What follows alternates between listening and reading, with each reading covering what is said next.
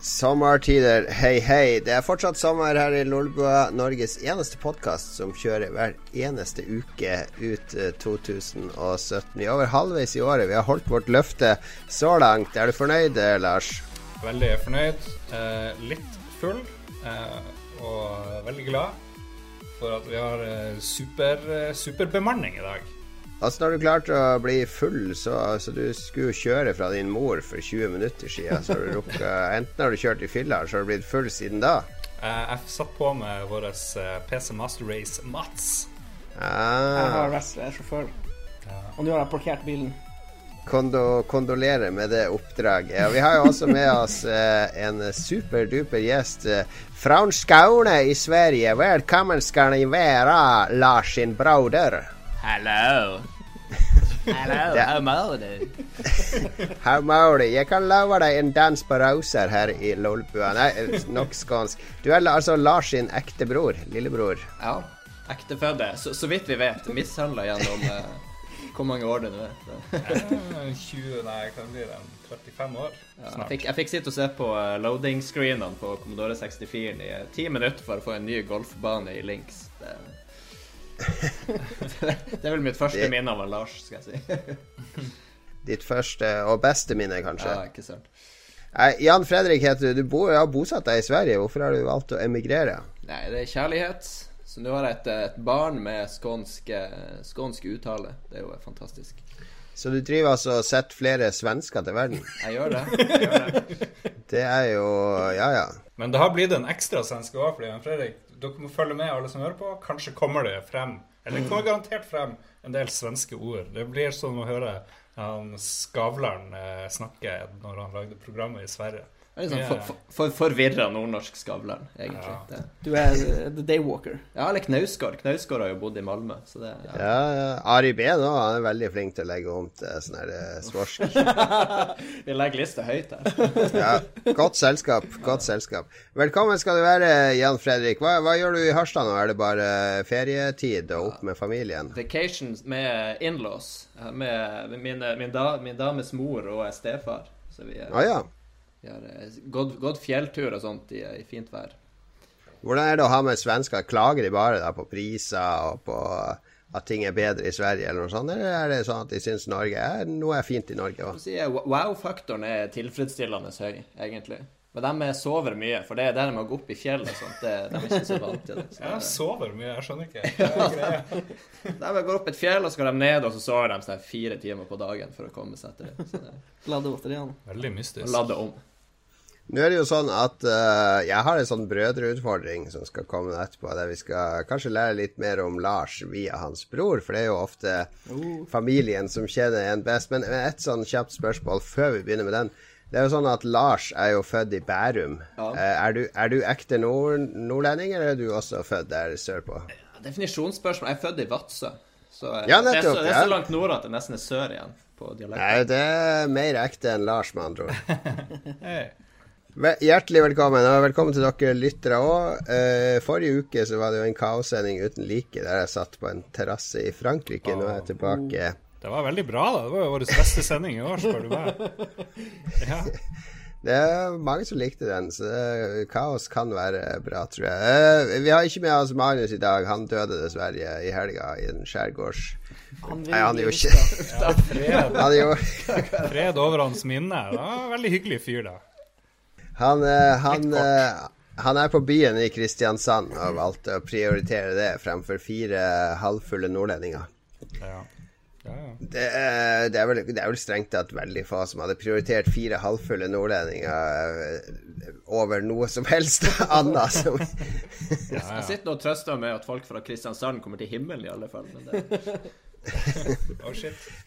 Vi har sikkert Magnus tilbake eh, neste uke for de som ser på på Twitch nå og, og, og blør fra øynene pga. det visuelle designet. Så er det altså Det er jeg som har snekra sammen på to minutter, i stedet for at eh, Magnus har laga det på to timer. Så, eh, så fort, fort og gærent. Han blir ikke å høre det her uansett, så det er helt Han hører aldri på, så det er helt greit. Vi tar en kort musikalsk pause, vent, og så blir det Vent! Ja, hva, vi må hva, hva, introdusere mer min bror. Du har sånn bror-challenge, men er det lov å spørre noen ekstra spørsmål? Som, jeg vet ikke, for eksempel Skal du intervjue din egen ja, bror? Er det ja, det her er jo gyllen sjanse, egentlig. Det er, jeg, jeg lurer på hva hans første spillminne er. Er det en del av brødre- brødre-challengen din? For det lurer jeg på. Ja det, ja, det kan du spørre om. Ja, for det handler jo mye om spillet. Hva er liksom Hva var din introduksjon? Vi fikk jo Commodore er kanskje feil, men 64. første spillet jeg lærte meg å sette på sjøl, i alle fall. Og det er jo egentlig lenge etter jeg begynte å spille spill. Det var jo uh, når jeg gikk på i førsteklassen, tror jeg. Bubble Bobble og Pacman på Commodore 64. Ok. Så da, eh, da satt jeg og nabogutten, og vi, vi kom veldig mye for seint i førsteklassen fordi at vi satt og spilte. Ja, ja. Det, ja. Men det var Ja, okay. veldig morsomt. ja. Og, så, eh, og hvordan var liksom det å kjempe med spillemaskinene mot din storebror eh, i oppveksten? Nei, oppvekst jeg, jeg knuste deg jo i Golden Eye, husker jeg. Det var morsomt. Det, Det, det, fine, var ganske gammel. det fine med Commodore Amiga var at det var mye split screen, altså mye multiplayer-spill. Kunne Ja. spille med den andre. Ja, jo, det var mye sånne småspill. Um, sånne, ja, sånne micromachines, husker jeg. Ja. Jeg tror jeg vi var ganske Ganske Super, jævlig. Supercars. Og, og ja, Supercars på Amigaen og uh, Tekken på, eh, på uh, PlayStation 1 var jo Mm. også veldig jevnt, husker jeg. Så jeg kan egentlig ikke si at jeg har noe minne av at du har vært bedre enn meg, men ja, Ja. kanskje du var. Og så må du si litt hva du holder på med. Vi kunne jo snakka med Jeg kunne intervjue min bror mer, men liksom, hva, har du, du må jo forklare folk hva du jobber med og holder på med. liksom. Ja, hva- nei, jeg jeg, Hva vi skal si? Nei, jeg, jeg, jeg jobber med matematikk. OK? Se sexy as that is. Uh, Ja. Så derfor bor jeg i Lund, som er en universitetsby i Sverige, og uh, jobber på universitetet der. Har du, har du doktorgrad i matte? Jeg har doktorgrad i matte. Oh shit. Oh yeah. Doctor in the house! Hva er ditt uh, favorittall? Mitt favorittall er jo syv, for at er en idiot i Harstad har påstått at det tallet ikke fins. Jeg er ganske sikker på at det fins, men det ja. Ja, jeg er ganske sikker på at jeg vet hvem du refererer til. La oss, la oss ikke nevne han med navn, men det La oss ikke nevne Ja. Nei, men da kjenner vi min bror bedre, føler jeg. Ja. Veldig bra. Vi hører på litt musikk, og så blir det Da skal vi lære Lars å kjenne via hans bror. Det skal vi få eh, sannheten fram i dag.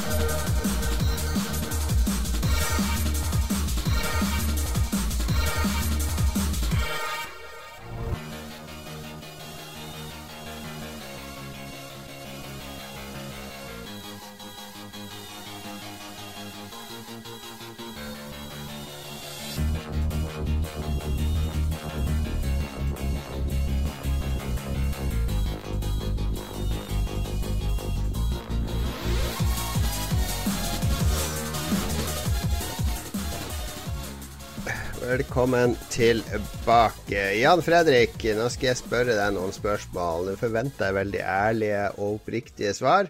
Eh, det skal handle om brorskap, fordi eh, jeg har jo en søster. Eh, jeg kjenner jo flere som har brødre og sånn, og det, det med lillebror og storebror, det er et veldig spesielt forhold, fordi lillebroren ser jo ofte veldig opp til storebroren. OK, vent litt. Hold, hold den tanken. Lillebroren ser ofte stor. Vi må bare justere den mikk her. bare- Hvis dere skyver den lenger bak, sånn at vekta blir annerledes, så mi- Mikken havner nærmere og nærmere skrittet til Mats. Ja, de var syke nedover. Utføre hvis du kjennes det. Det er tydelig at mikrofonen vet hvor det trenger forsterkning. Så eh, lillebror og storebror er jo et veldig spesielt forhold. Det er jo ofte sånn at lillebrødre ser opp til storebrødrene. Altså det er de som kan ting, det er de som får til ting, det er de som er sterke, tøffe osv. Husker du når det var første gang du så noe som slår sprekker på den storebror-illusjonen? Altså at når Lars ikke lenger var ditt idol, og hva var det du så? Eller hva var det som det, skjedde? det, var jo, eh, det var jo et øyeblikk eh, for ikke så veldig lenge siden jeg sto på flyplassen i Harstad med Skulle akkurat gjennom sikkerhetskontrollen, og så hadde jeg plutselig en samekniv i hendene mine. Så han Lars hadde snekket inn i uh, min ja, håndbagasje. Det var jo magisk. Ja, og det var, en, det var en samekniv som vi hadde igjen etter vår kjære, relativt nylig avdøde far. Så Jeg hadde jo syv samekniver. Jeg, jeg gikk gjennom ganske mange følelser på uh, veldig få minutter. Og uh, ja, ja, samekniven endte opp i sarten der, og det Jeg husker jeg og Mats ble oppringt Ja, av en sint vi var på bror. tur tilbake. Vi hadde, vi hadde Jeg vil bare klarifisere, jeg visste ikke om samekniven. Planen var å legge en samekniv i bagen til broderen og så si fra like før han for. Du må sjekke bagasjen din, kanskje du har en kniv. Og så glemte jeg det. og så ble han stoppa i kontrollen, eller hva nå enn det var. Ja, det var, det var Så jeg, dårlig. jeg, jeg gikk litt sånn smått anspent eh, Jeg vet ikke, en måneds tid før vi var på Formel 1-tur til Ungarn, da vi endelig møttes igjen. Og jeg kunne så hardt jeg bare kunne slå han i pungen. Og det gjorde heldigvis ganske vondt, så vidt jeg klarte å se. Så da klarer ikke å huske at det har skjedd. Men ok. oh, men du, du slo videre. Du, det var, du, tok, du tok det som en sånn eh, stafettpinn. Slo jeg de stakkars andre turgåerne videre på pungen eh, kort etterpå. Så det, Ja, bra. All right, all right. Ja, ja, men men det var i eh, voksen alder, da. Det har sikkert skjedd noe før. Men det, det er det jeg fortsetter med. litt småbitter Ja, men veldig, veldig korrekt i Sverige. Du har blitt lært opp til å ikke gå på rødt lys, ikke sant? Samekniv i uh, flybagasjen. Det, det hadde gått helt fint med en vanlig nordmann. Ja, det er Friskt i minnet, det det er lov. Eh, du har jo barn. Hvis du kunne velge fritt blant alle venner og slektninger hvem som skulle være barnevakt for bar barnet ditt i to uker, hvor høyt opp på lista kommer Lars? Jeg vil jo nesten si nummer én. Uh, delvis, Ja, fordi, vel, ja. delvis fordi at det er smertefullt å være barnevakt i to uker. og for at ungen min eh, er veldig eh, egentlig eh, glad i onkel Lars. Jeg vet egentlig ikke hvorfor, men det er så, sånn det er Et mysterium. Jeg, jeg har aldri vært så populær i hele mitt liv som når jeg er rundt uh, Odd Elias. Så, Vi, vi satt på babycallen i kveld rett før vi gikk hit for å høre hvordan det gikk når mora skulle legge an. Det første vi hørte, var 'Onkel Lars'. Det var jo veldig bra. Veldig hyggelig svar. Så her, da får, da får du vist en ny side av deg sjøl, Lars. ja, takk, takk. Dette blir bra når du skal ut på Tinder-utfordringa i høst, som vi ikke har fortalt deg om ennå. Oh shit. Bra. Eh, Lars bor jo nå i barndomshjemmet deres, eh, Jan Fredrik. Mm. her har jo du vokst opp, her har du opplevd mye. Hva syns du er det eh, hva, hva skammer du deg over med hva, hva Lars har gjort med hjemmet? Altså, hva syns du han Det burde han holde seg for god til? Det her burde han fikse, er eller sånn her burde det ikke være. Jeg er mer så sier hva jeg skammer over at Mats har gjort med hjemmet vårt. Reflekterte over det nettopp når jeg gikk på, eh, på do. På do var du inne på Ja. godkroken. Ja, jeg var på godkroken. Nei, vi hadde, vi hadde jo fest her, tror jeg, når vi var 18, var det ikke det? Stemmer det? Skulle vi drikke Hurricane-øl på eh, verandaen? Eh, Shotte Jeg hadde jo knapt drukket noe øl, og Mats hadde ikke drukket kjempemye øl heller. Nei, ikke veldig mye.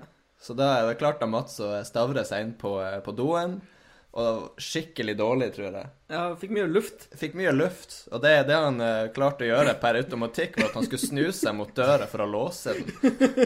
Og når han da var så smart at han snudde seg mot døra for å låse den, så spydde han jo ut alt. Alt.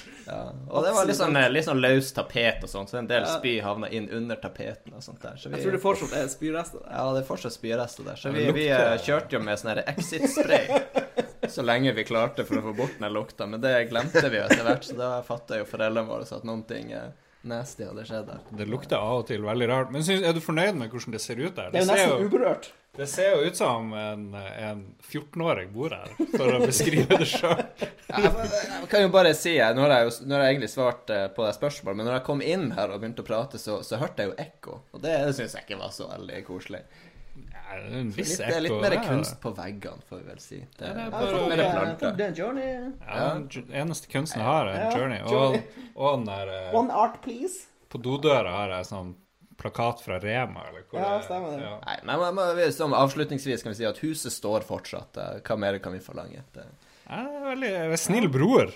Ja, bra svar. Og bra at han benytter anledningen til å henge ut Mats litt òg, da. Ikke bare Lars. Det, han sprer ut litt, uh, litt ondskap. Det det er godt. en team effort. Vi har bare tre spørsmål igjen, og det fjerde, det fjerde spørsmålet er jo da Hvorfor er du så slank når Lars er sånn 105 pluss? For å si det sånn, jeg, jeg gikk ned ti kilo uh, når jeg uh, gikk på pappapermisjon. Ungen var veldig vanskelig å få til å sove på natta, så jeg, jeg var vel gjennomvåt av svette. For at det eneste måten å få han til å sove på, det var å springe og hoppe som om, om, som om han var på en båt i storm. Og så synge ganske mange barnesanger og finne på en hel del vers. Og det fikk jeg gjøre en to-tre måneder. Så det var et par turer på legevakta for meg, og ned ti kilo omtrent. Så da Det er bare å få barn, sier jeg. Da, da ødelegger du livet ditt og blir slank. Det Godt, uh, godt tips. Uh, neste siste spørsmål. Hvilken egenskap hos Lars skulle du ønske at du hadde? Oi. Nei, Lars, Lars, er vel litt mer uh, den lettsindige av oss, i alle fall utad. Og jeg er kanskje litt mer sånn uh, Har ikke helt den sosiale motivasjonen til å være sånn jeg blir og glad hele tida. Jeg er ofte sånn sur Jeg kan være litt mer sur in public, liksom. Så ja. Men etter et par øl så ordner det seg, så det er ikke noe problem. Hans muntre lynne, altså. Ja, utad, men innvendig har jo Lars et, et mørke. Så man må, man, må bli, man må, bli, med på Tinder for å ta del av det. det, det Fordi det, det, det, leder oss jo inn til siste spørsmål. Her. Hvilken egenskap hos Lars er du glad for at du ikke har? Gud, ja. Jeg, jeg er ikke journalist. Sparker litt på deg. ja, det, er ikke lett. Det er ikke lett. Nei, men det, det kanskje kommer frem under sendinga. Jeg vet ikke. Nei, men det um ja. Men OK, er du ferdig med brorutspørringa? Ja, det var brorutspørringa. Veldig ja, sporty. sporty. Jeg håper du har lært noe, Lars. Jeg har eh, jeg føler, jeg føler, at han ikke er så ærlig som han kunne være. Men uh, det, det, hvis han hadde vært litt mer dreven i podkastfaget, så hadde han skjønt hvor dypt vi egentlig kan gå her. men, uh, men jeg har et spørsmål på slutten her. Hvis vi, hvis vi gjør det om til en sånn pappagreie jeg vet ikke om vi burde ta det Vi kan klippe det inn mellom noe annet. Men én en ting jeg har lurt på, det er jo eh, Jon Cato, hvordan har du liksom klart å være aktiv med quiz hver uke? Du har eh, du reiser litt hit og dit, du drar ut på byen med folk, og samtidig har du syv unger. Fredrik har én unge og klarer så vidt å, å ta telefonen for, for så vidt lov å fære på Formel 1-tur én gang i året osv. Hva er liksom trikset for å, å leve livet samtidig som utafor barnefamilien? Nå lytter jeg veldig sånn oppmerksomt her, så nå er det bare å ja. Nei, altså er, Jeg jobba med en uh, person en gang som uh, hans bestefar hadde Han jobba veldig veldig mye, den personen. Hele tida. Hadde masse ting på gang. Hele tida DJ-oppdrag og skriveoppdrag og ditt og datt. Og så orker du alt det her. Jeg sier som min bestefar, hvile kan du gjøre i grava. Uh, det, det, er, det, er, det ene svaret. Men det andre er jo at du må jo bare Hvis du ikke gidder, så gidder du ikke. Uh, men du må jo ha en forståelsesfull kone eller samboer, da som også har litt egne interesser som hun, hun har lyst til å følge etter. Fordi da, da kan man kombinere det lett. Så jeg, jeg, gjør egentlig ikke så mye. Det er mest slitsomt er den lolbua en gang i uka. ja, men det spiser opp en hel kveld, liksom. Men uh, ellers så Jeg kan jo gå ut uh, egentlig ganske ofte. Mye foreldremøter og sånn. Mm. På skole og forpliktelser og andre ting. Men uh, man må jo bare gripe sjansen når den kommer. Jeg kan, jeg kan kanskje skyte raskt inn for at jeg, jeg har hatt et visst eh, problem med forståelse fra fruen, kan man si. Litt sånn mildt. Uh, men uh, nå har jo hun også begynt i den akademiske verden, som jeg egentlig er en del av. Og det er jo litt det som er problemet når du er matematiker eller fysiker eller hva det nå er. så du har ikke bare en jobb, du har jo en, en, en, hobby, og du har alt mulig rart. Det er jo litt som å være kunstner på et vis. Altså, du, du jobber både på dagtid og kveldstid og natterstid og står opp klokka fire og legger deg klokka tre og hva det er, for at du jobber, helt enkelt. Det er mm. deprimerende, men det er en veldig stor del av din identitet. Men nå har hun også begynt i den akademiske verden og begynt på doktorgrad, nettopp. Ja. Og da har jo forståelsen hennes for hva jeg driver på med, økt helt sjukt. Så eh, ja, nå skal hun på eh, konferanse f.eks. til India. Så da er jo også der, det er derfor jeg kan dra på Formel 1. Ah. For da må jeg ta vare på ungen en uke eller to, liksom. Så nå får jeg jo ja. Så det er quid pro quo. Det, ja. ja det, er jo, det, er jo, en sånn klisjé, da, men, men man, det er jo ofte sånn at uh, når damen spør er det greit om jeg går ut og tar et glass vin med venninnen, så sier man alltid ja, Gå ut og kos deg, gå ut, så slenger du beina opp på bordet, så kan du ta en øl, og så kan du spille PlayStation og bare holde et halvt øye med, med ungen som ligger og sover og sånn. Og så er det motsatt, så er det sånn Hva? Jeg trodde det var vår kveld. Skal du ut og drikke øl nå igjen? So, so, so true, so true. Men, men, jeg har vært veldig heldig med min kone. Der vi har begge behov for å ut og sosialisere med venner. Så vi bare bytter på det. Ja, nei, men, er... men eh, finn, en partner som kan forstå deg. Det er jo sikkert mange måter det kan skje på, men det, ja, det... Spesielt på Tinder.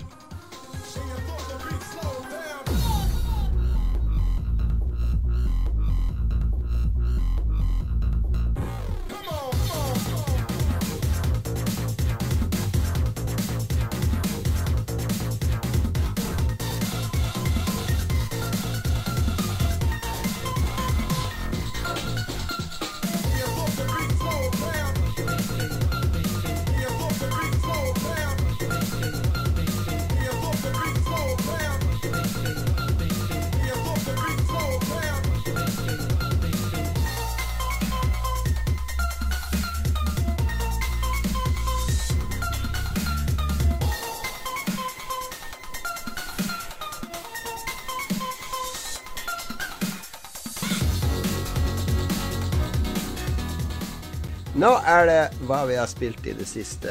Uh, Fastspalte her hos oss, der vi kjapt kan uh, informere våre lyttere om hva som skjer på spillfronten hjemme hos hverandre. Og Lars, du kan vel begynne. Du er endelig ferdig med festspill, tull oh, yeah. og alt sånt fjås, så du kan benke deg foran skjermen. Hva er det det går i i Heggenveien akkurat nå? Jeg kan med glede røpe at uh, jeg er tilbake på Destiny-kjøret. Og det, det føles utrolig godt.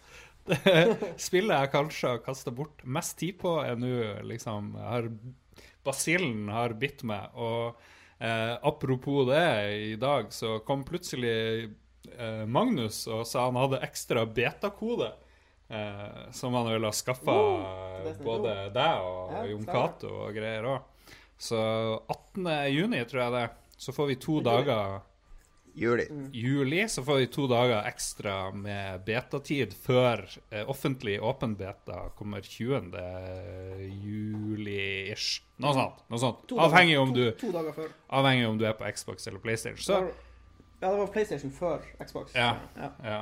Så, og det, det, er så deilig å spille Destiny. Det er så deilig. Det som trekker ned den gode, gamle følelsen, er jo at det har blitt mye mer tøv, tøv og tøys mye sånne eh, free to play-aktige ting du må ta hensyn til. og det er mye, det er mye sånn currency som jeg ikke skjønner. og, og jeg vet ikke, og så har jeg inventoryen min full av drit som jeg ikke vet hva jeg skal gjøre med. Jeg skal ta vare på den, men snart kommer to av Da blir jeg sikkert ikke å spille én så mye. Men jeg vet ikke. Det var bare så deilig å være med og spille litt Prison of the Elders og litt uh, Nightfall. Tok Nightfall i går kveld. Bare breeza gjennom som smør etter dagen før, hvor vi holdt på i en time, ja. noen folk, og kom ingen vei. Var, men liksom, det er jo et fantastisk spill. Det er jo et av tidenes spill, det der uh, Destiny. Det må jeg si. Følelsen av å hoppe og dobbelthoppe og kaste granat og skyte. Og det, så, det sitter i fingrene, og det er deilig. Det er bare helt utrolig hvor bra det spiller. All right. Ja, det er lov å piske Det, det er jo Det er lov å piske. Det, det er jo slagordet ja, vårt. Du spiller det jo rett mot en avgrunn, fordi eh, når Destiny 2 kommer, så kommer jo Destiny 1 til å rase ut fra en avgrunn og bli totalt mm. dødt. Mm. Ja. Så det som jeg syns er litt uh, både litt spennende, men mest trist, er jo hvordan skal man bevare den opplevelsen da for ettertida? Altså mm. hvordan skal fremtidige gamere om 20 år vite åssen det var når Destiny var på topp? Ja. Hvordan Destiny, den opprinnelige Destiny-opplevelsen var. Mm. Ja, det blir jo litt som når uh, Everquest liksom, du, får ikke, du kan jo aldri få den klassiske Everquest-følelsen på samme måte som under launch. Eller, ja. Du har kanskje sånne emulatorservere og sånn, men det blir liksom ikke det samme, på en måte. Ja, du har noen sånne Classic, Men det var også Sånn som Star Wars Galaxies Ja, var også stemmer Det dramatisk for mange når det ble Tre combat upgrade eh, Star Wars Galaxies. Ja. ja. Eh, og når alt uh, serverne ble stengt, så var det jo hundre eller tusenvis av spillere som samla seg Ja, på torget i uh, byen. Og sto og holdt hverandre i hendene og venta på Ja, dommedagen. Ja, døden av spillet, de- liksom. Ja. Det er sånn, sånn MMO-arkeologi. Det må jo bli sånn egen uh, kategori nesten innenfor spill. Sånn Ja, det er, det er noen universiteter som driver og tar opp mye video fra sånne spill for Ja. å bevare for ettertida. Prøve Ja, å kuratorere Ash- Asheron's opplevelser. Call eh, 2 stengte vel ned nylig, og det var noen andre Mm. spill også. Det er et Ja. fascinerende konsept. Ja, nei, sånn kulturmessig så er det en utfordring, fordi vi har tatt vare på veldig, veldig mange kulturuttrykk. Eh, Mm. Teaterstykker og sånn må jo gjenskapes med nye skuespillere, men essensen av det er jo tatt vare på, så, så det her er noe her er noe vi må begynne å ta vare på. Mm. Men det var en liten digresjon. Jo, men jeg er helt enig.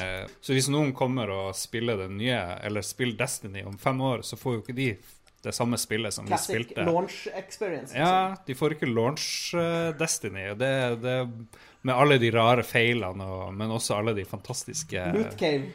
Loot Cave, for eksempel. Eller Diablo Ja. kopierer kopiere items. Ja, Så-. Så hvis vi skal ha et spillbibliotek nå, så bør folk eh, kunne få alle de forskjellige patch-versjonene av Oh. spillet, liksom. Men, men ettersom båndbredda blir øket, øke, så behøver man ikke ha noen ting installert um, sikkert på sin egen datamaskin. Da kan man jo streame alle mulige slags versjoner, kanskje. Sånn online-museum, nesten. Det hadde vært kult i fremtida. En god idé. Mm. God idé. Mats, hva har du spilt? Um, jeg har um, spilt hovedsakelig to ting. Uh, jeg gikk gjennom Doom. Jeg var jo ikke ferdig med det ennå. Uh, ja, det det var Ja. helt fantastisk spill. Helt sykt konge. Uh, storkoste meg gjennom hele spillet. Uh, vurderer faktisk å starte på nytt igjen på den aller vanskeligste vanskelighetsgraden. Hvor du ikke kan uh, loade hvis du dør. Du må starte på nytt igjen. Uh, for jeg tenkte Jeg prøvde liksom å tenke gjennom hvor mange ganger jeg døde i løpet av min, min playthrough. da Så jeg, jeg tror kanskje det skal gå, men uh, det er jo litt surt da hvis man dør på den, den syvende timen, og så må man rulle tilbake til start. Men, uh, men det var et utrolig digg spill. Helt Ja. konge. Det er et kongespill. Apropos en sånn challenge, jeg så jo nylig, og det her er mer relatert til Lars Ja. og Destiny igjen, at han Rune Fjell i, i Level Up Rune Fjell Olsen, han, han kjørte jo en sånn Destiny-challenge som mange veteraner har tatt, nemlig der du skal spille deg opp fra level 1 til level 40. Eh, og hvis du dør, så er det permadeath. Nei, så sletter du karakteren. Ja, Oi. og, du skal gjøre alle quests og sidequests uh, og samle utstyr Kult. og komme høyest mulig light level før du dør. OK, kult. Og det sa han var utrolig kul opplevelse. Tøft. Det ga en sånn ekstra edge til spillet. Ja, det gjør jo Du får jo et nytt spill, på en måte, når du lager Mm. deg sånne mål. Um, nei, og så har jeg spilt uh, ganske mye Battlegrounds uh, noen kvelder på rad. Ja, for der har de jo endelig patcha de europeiske serverne, så det flyter jo plutselig mye Det ble veldig mye bedre. Eh, og så kommer det jo en ny sånn mini-patch nå på eh, torsdag. Men jeg så det var ikke de helt store forandringene som kommer nå. Det mest spennende så blir eh, den juli-patchen som kommer litt senere, hvor det blir eh, forbedringer til eh, eh, first person og eh, sånn field of view-slider. Og litt sånn Mm. eh, tweaks og greier. Men eh, ja, og så spilte jeg gjennom eh, jeg husker, eh, husker du det mobilspillet du anbefalte noen måneder tilbake, som het Space Plan? Ja, Jeg, jeg spilte gjennom det òg. Det var òg ganske kult. ja, Sånn, eh. Anbefales å spille med lyd. Jeg spilte det faktisk på PC, på Steam. Hva er Spaceplan igjen? Eh, du, du er sånn romskip som så roterer Ja. rundt, og så skyter du sånne objekter på planeten, og så er det sånn weird uh, time travel uh, Ja. Jeg tror det bare var på mobil. Nei, det, uh, for jeg satt på jobb offshore, og så snakka alle om Spaceplan, og så hadde jeg jo ikke telefonen min. Så sjekka jeg bare om det var på Steam, og det var det faktisk. Så uh, lasta jeg det bare ned og spilte det på PC. Det fungerte jo kjempefint. Mm. Det er et veldig, veldig hyggelig mobilspill. Mm. Helt enig i det. Eh, Jan Fredrik, Oh yeah. uh, hva spilles det i de akademiske kretser? Ja, si det, du. Jeg er litt sånn der eh, eh, Jeg er kanskje ikke helt up to, up to speed, for å si det sånn. Men det Jeg vet ikke, Mats prater jo om, om det her med permadeath Eller dere prater om det her med permadeath og sånt. Mm. Og da tenker jeg jo på XCOM. Og det er Ja, jo Ironman uh, sjuk, XCOM. sjuk favoritt. Og det, det er jo typisk mange Siste karakterene eh, Eller siste sånn her eh, Marine jeg kalte opp etter eh, en person jeg kjente, det var jo etter Lars. etter at han døde med en gang, så tenkte jeg ikke jeg orker ikke lenger. Så bare spilte jeg med sånne anonyme folk, og da døde jo ingen etter det. Men Ja. det, sånn var det det. Men det, på telefonen så har jeg spilt eh, Steamwork Heist. Jeg vet ikke om dere har spilt det? Steam World Heist. Steam World Heist. Ja. Og det er vel relativt Ja. gammelt nå, men det, det storkoste jeg meg gjennom. Så det Det er jo Det er sånn uh, 2D-strategispill. En blanding av plattform og strategispill. Ja, og det, det er jo, og det, er jo altså det deler jo med XCOM at det er turbasert, og du har ditt team, Mm. og du skal Ja, forskjellige scenarioer du skal gå gjennom. Ja, hva du liker med spillet. Må du, eh, og, og eh, det jeg liker best, er når vi drar den filosofiske linja fra spillet inn til uh, f.eks. hvis du står øverst i en skyskraper Fredrik, og ser ned på masse fattige mennesker. Ja, ikke sant? Det, Callback. Nei, det- intern det- spøk mellom meg og bror. Beklager. det, er jo- det er jo det her med Nå har jeg jo bare én unge, jeg føler ikke at jeg kan syte over det, men, men det er jo det her med at du kan dra det opp fra, fra lomma, og så kan du spille litt. Um, ja, ikke sant? Når du har tid, når ungen er og gjør et eller annet dumt, og eh, du har du, du er i eh, fokusgruppa til mobilspill? Er Jeg, liksom- jeg er i fokusgruppa til mobilspill. Ja. og, Men kan alle spille om? Du må si noe. Ja, men spillet, det, det, det er jo Altså, spillemekanisk så er det jo som XCOM, bare at det er fra sida og 2D. Og du, du spiller en gruppe ja, roboter som er litt sånn steampunk, som eh, reiser rundt i verdensrommet og ja, skal oppdage noen slags eh, sånn sinister eh, plot som driver og foregår. Og du må i stort sett bare skyte andre roboter for å, å komme deg videre. Men det er veldig koselig, for det, det er litt sånn ricochet- ricochet-shots du har, og litt sånn ulike våpen og sånt. Så eh, Det er skill. det er skill, rett og slett. Og du, du kan tabbe deg ut ganske fort, og da, da blir du punisha ganske hardt for det. Har du runda det? Ja, ja, absolutt. Det- Uh. Og jeg venter jo bare på neste, neste De skal jo vel gjøre et eh, Steam World uh, Dig 2, tror jeg. Ah, ja. Har du spilt digger òg? Nei, jeg har ikke gjort det, for jeg har ikke noe PC.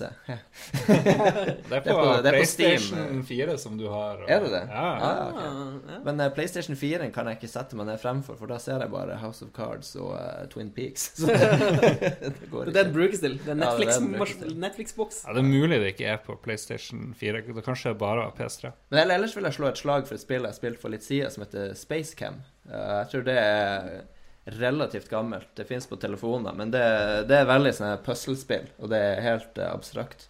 Og du skal egentlig du skal bygge noe sånn der um, Du skal bygge en fabrikk som produserer molekyler eller noe Ikke sånt. sant? Og det blir bare mer og mer komplisert. Og det, men det er sjukt bra, og du, du lærer deg litt òg hvordan ulike molekyler er bygd opp og sånn, for de bruker Jeg tror det her blir, blir brukt faktisk i um, Ulike sånne kjemistudenter har fått eh, oppdrag å bruke det her for å bygge opp eh, mer avanserte molekyler og sånt.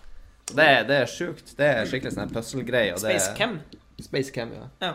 Og det er skikkelig unforgiving, og du har bratt læringskurve. Men det er Jeg, likte det skikkelig godt. Jeg har vært uh, borti det. Det er litt uh, Det er en sånn subgren av sånne typer spill på Steam som er veldig kule. Du, kule. Du har også det er Shensen 1.0, som er sånn fake programmeringsspill der du skal bygge kretskort og sånn. Så absolutt uh, en, en Ja.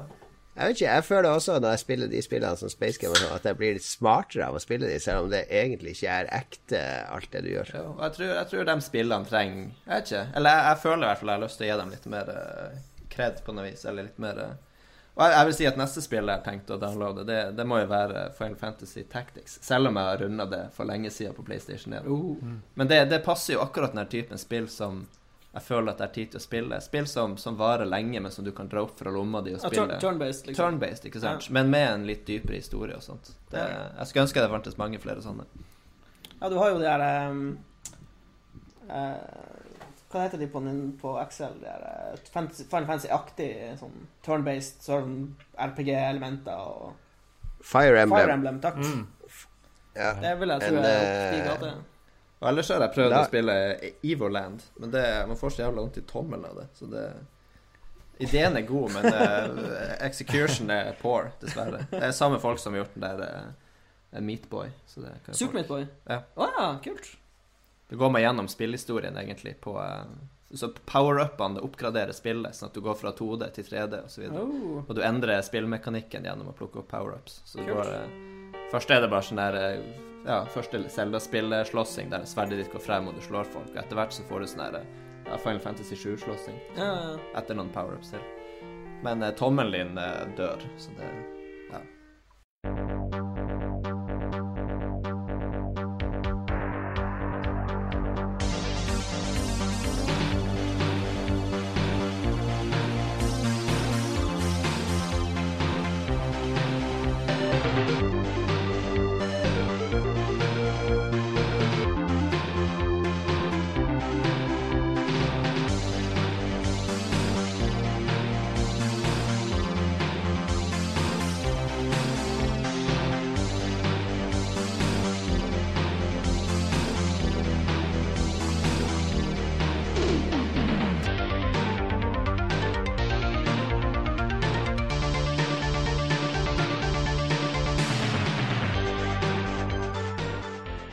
Hva mener lytterne våre? Lars, du er uh, vår uh, trompet inn i lytternes anus. Der du blåser inn i trompeten, og så kommer det sånne dumme spørsmål ut av munnen deres. Hva, hva har du blåst ut av lytterne i denne uka? Min første tilbakemelding fra lytterne kommer i form av stillhet. Fordi jeg drev og sa at vi kom mest sannsynlig ikke til å være på Twitch i dag. Men det som skjedde, var at vi kun var på Twitch i dag. og vi er ikke på uh, YouTube, for du har ikke aktivert uh, YouTube-streamen. Så eh, anyway um, Vi har bedt om tilbakemeldinger fra folk i Twitch-chatten. Jeg har ikke kommet noe som helst. Uh, folk er starstruck av Jan Fredrik sitt skjegg, tror jeg. Han har et veldig fint hipsterskjegg. Beardstruck. Beardstruck. Men vi har noen gamle eh, classics eh, lytterinnslag som vi ikke har kommet gjennom. Så jeg, vi bare drar frem de gylne anledning til å komme gjennom backloggen. Og vi har et spørsmål fra Super1MA. Jeg lurer på om han går på videregående og driver og tar 1MA, eller om han heter Superima. De lærde strides. Eh, hvis dere kunne flytte inn i et spill, hvilket spill ville det vært? Er det noen som har tenkt og drømt om å flytte inn i et spill? Jon Cato vil jo flytte inn i The Witness, hvor han kan være alene og drive og runke med puzzles hele dagen. Det er, vi er jo voksne folk, så vi drømmer vel ikke om å flytte inn i et spill. Det var litt uh, hvis du måtte flytte inn i et spill, la oss redefinere det Uh, sånn. Hva er det mest, eh, mest idylliske? Super Mario Sunshine høres jo veldig fint ut, men det blir jo veldig mye woho og waha! Litt, kanskje litt plagsomt. litt masete. Ja. Nei eh, En, eh, Fredrik, hvordan spill mens Jon Cato tenker Ja, men Jeg kan svare fort, for jeg drømte her om uh, natta. Uh, egentlig at, at jeg var jeg, Det skjer jo at man drømmer at man er i noe slags spill, egentlig. Det er litt, litt vanskelig å definere hvordan man vet det, men jeg visste det. nå. Og det var en blanding av eh, Grand Theft Auto og Mirror's Edge. Så pointet var liksom på kulest mulig måte å hoppe langs noen slags bil eller noe sånt som var i fart. Og røske opp døra og drepe en person som var inne, Og så ta over den bilen. Jeg vet ikke helt hvorfor, men det Jeg drev nå på med det en stund. Det var, var veldig tilfredsstillende. ja. Så det, det var litt, lite Mario-faktor. Men jeg tror igjen det er sånn småbarnsforeldregreie at man drømmer seg bort. Jeg tror det var en PT Cruiser jeg kapra sist. Classy bil. Jeg hater den bilen. Å, den er så stygg. Jeg har vært i Los Angeles én gang, og da leide vi bil, og da fikk vi en PT Nei! Cruiser. Ja, det var så surt. Å, oh, bummer. Det er ikke bra. Ja. Jeg vet ikke. Jeg, Doom. Doom, ja. Jeg tror ikke jeg ville, jeg tror ikke jeg ville flytte inn i Doom. For det er en kjip plass. Bo, eh, være sånn random scientist på Mars, på UAC-basen. Og så kommer det sånn gal Bertha åpner en portal. Uh, nei, en sånn fin og fredelig eh, verden, kanskje. Ja. Ja. Hvordan, hva The er en fin Sims. fredelig? The? Sims. The Sims. Så du vil bli styrt av en eller annen random person? jo, men hva hvis vi blir det, Lars? Hva om vi lever i Ja, The Sims? hva hvis vi ikke har fri vilje? Hvem er det Det er bare en mener det? Er det han der uh, Elon Musk? Elon Musk er jo sikker på at vi lever i en simulasjon. Eller han, han har vel sagt at det er en større sannsynlighet for at det er en simulasjon, enn at det er ekte. Ja, ok.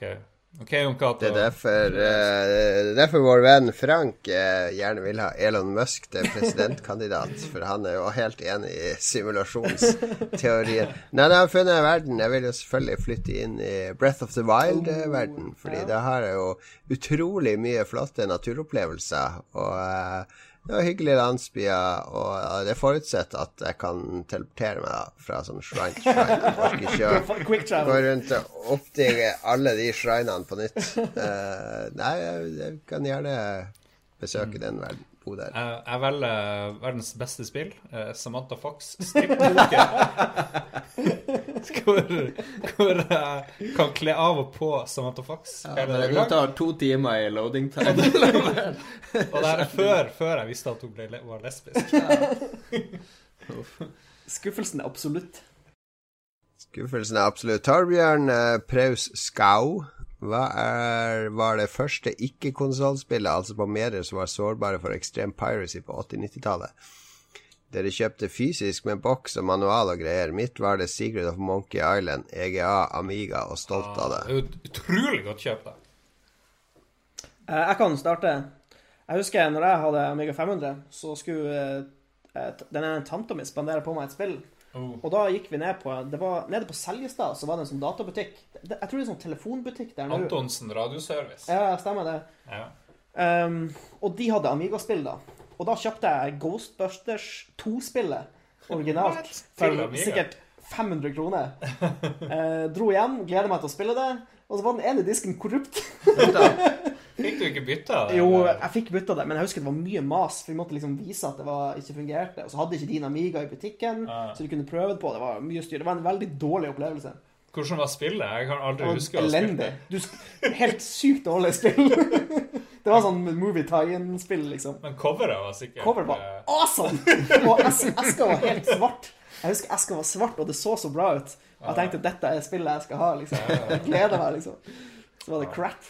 Jeg lurer på hva var det første vi kjøpte Jeg husker vi satt i, husker vi satt i København. Jeg var veldig liten, og vi hadde kjøpt Arkanoid til Commodore 64. Oh. Og det hadde jo kult cover. Det var jo ja. noe romskip og sånt.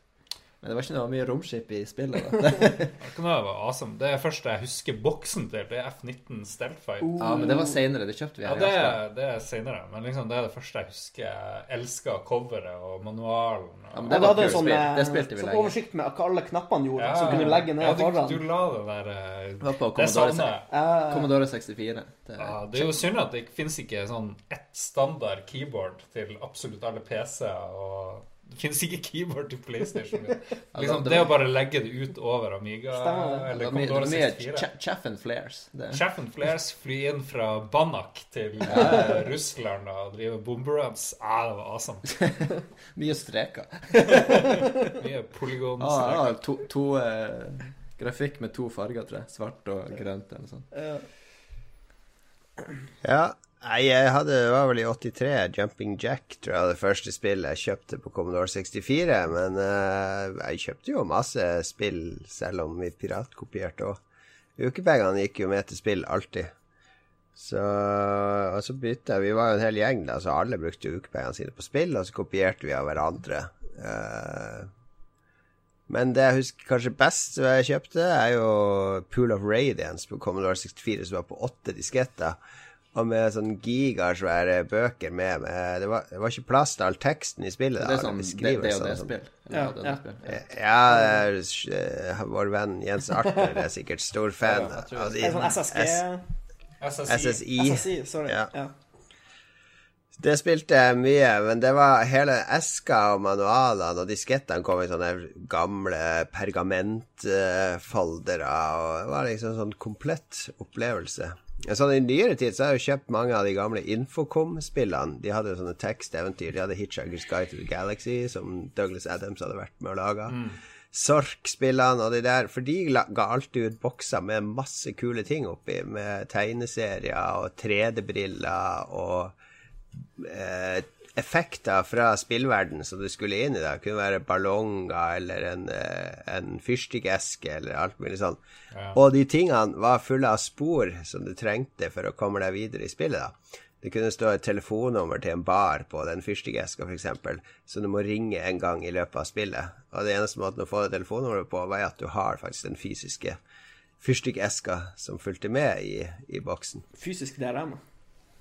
Ja. Ja, ja, ja. Men det var en veldig kul opplevelse å åpne de spillene ja, ja. og se på. Det var kart med, og det var liksom guidebøker og eh, brosjyrer og ja, Veldig, veldig gjennomført eh, uh, spillutgave. Tenk om Skyrim hadde vært sånt. Da kommer lastebiler med bøker. ja, men nå er det jo sånn Når skal de lage sånn Collector Edition, så slenger de opp i en sånn kjip statue ja, som du bare blir flau av å ha på peisen din i stua. Stemmer. Jeg er helt enig. Ja, Jeg kunne heller laga en masse sånne stæsj som har tilhørighet i, i, spillet, liksom. Som enhancer spilleopplevelsen. 100% enig. Eller, eller, noe du kan ramme inn. Eller ja, no, liksom noe som ikke er så sykt. Ja, Tenk når du fikk en, en, OK manual med Destiny i stedet for de der uh, law-tingene du finner ja. underveis i spillet, som bare som ja, alle, alle du, får, ok, du får law i spillet, men du må inn på en egen nettside. Alle de grimoire-tingene skulle ja. du hatt fysisk bok eller et eller annet. Det, det de skulle hatt, var en stor perm altså med, der alle kortene egentlig er skjult. Altså Når du låser opp, så ja, nå kan du ta av. Det kommer et kort nummer fire. Og så er det sånn oh, er det noe digg å ta opp? Og det kan være et sånn kult bilde på kortet og litt tekst og sånne ting. Da hadde du hatt en sånn skattkiste med 100 sånne kort, så du må lete etter de spillene. Så må du holde litt sånn selvdisiplin. Ja, nesten. Det er masse ting de kunne gjort. Jeg tror ikke folk har så veldig mye selvdisiplin, men det Ja, mest sannsynlig. Ok, uh, Mats Østreng Veland sier Hei, et lite dilemma. Dere må invitere en av følgende til julemiddag. Jo, vi har jo passert halvåret nå, så det nærmer seg jul. Um, vi må invitere en av følgende til julemiddagen, og vedkommende kommer uansett. Uh, mulla Krekar eller Markus og Martinus.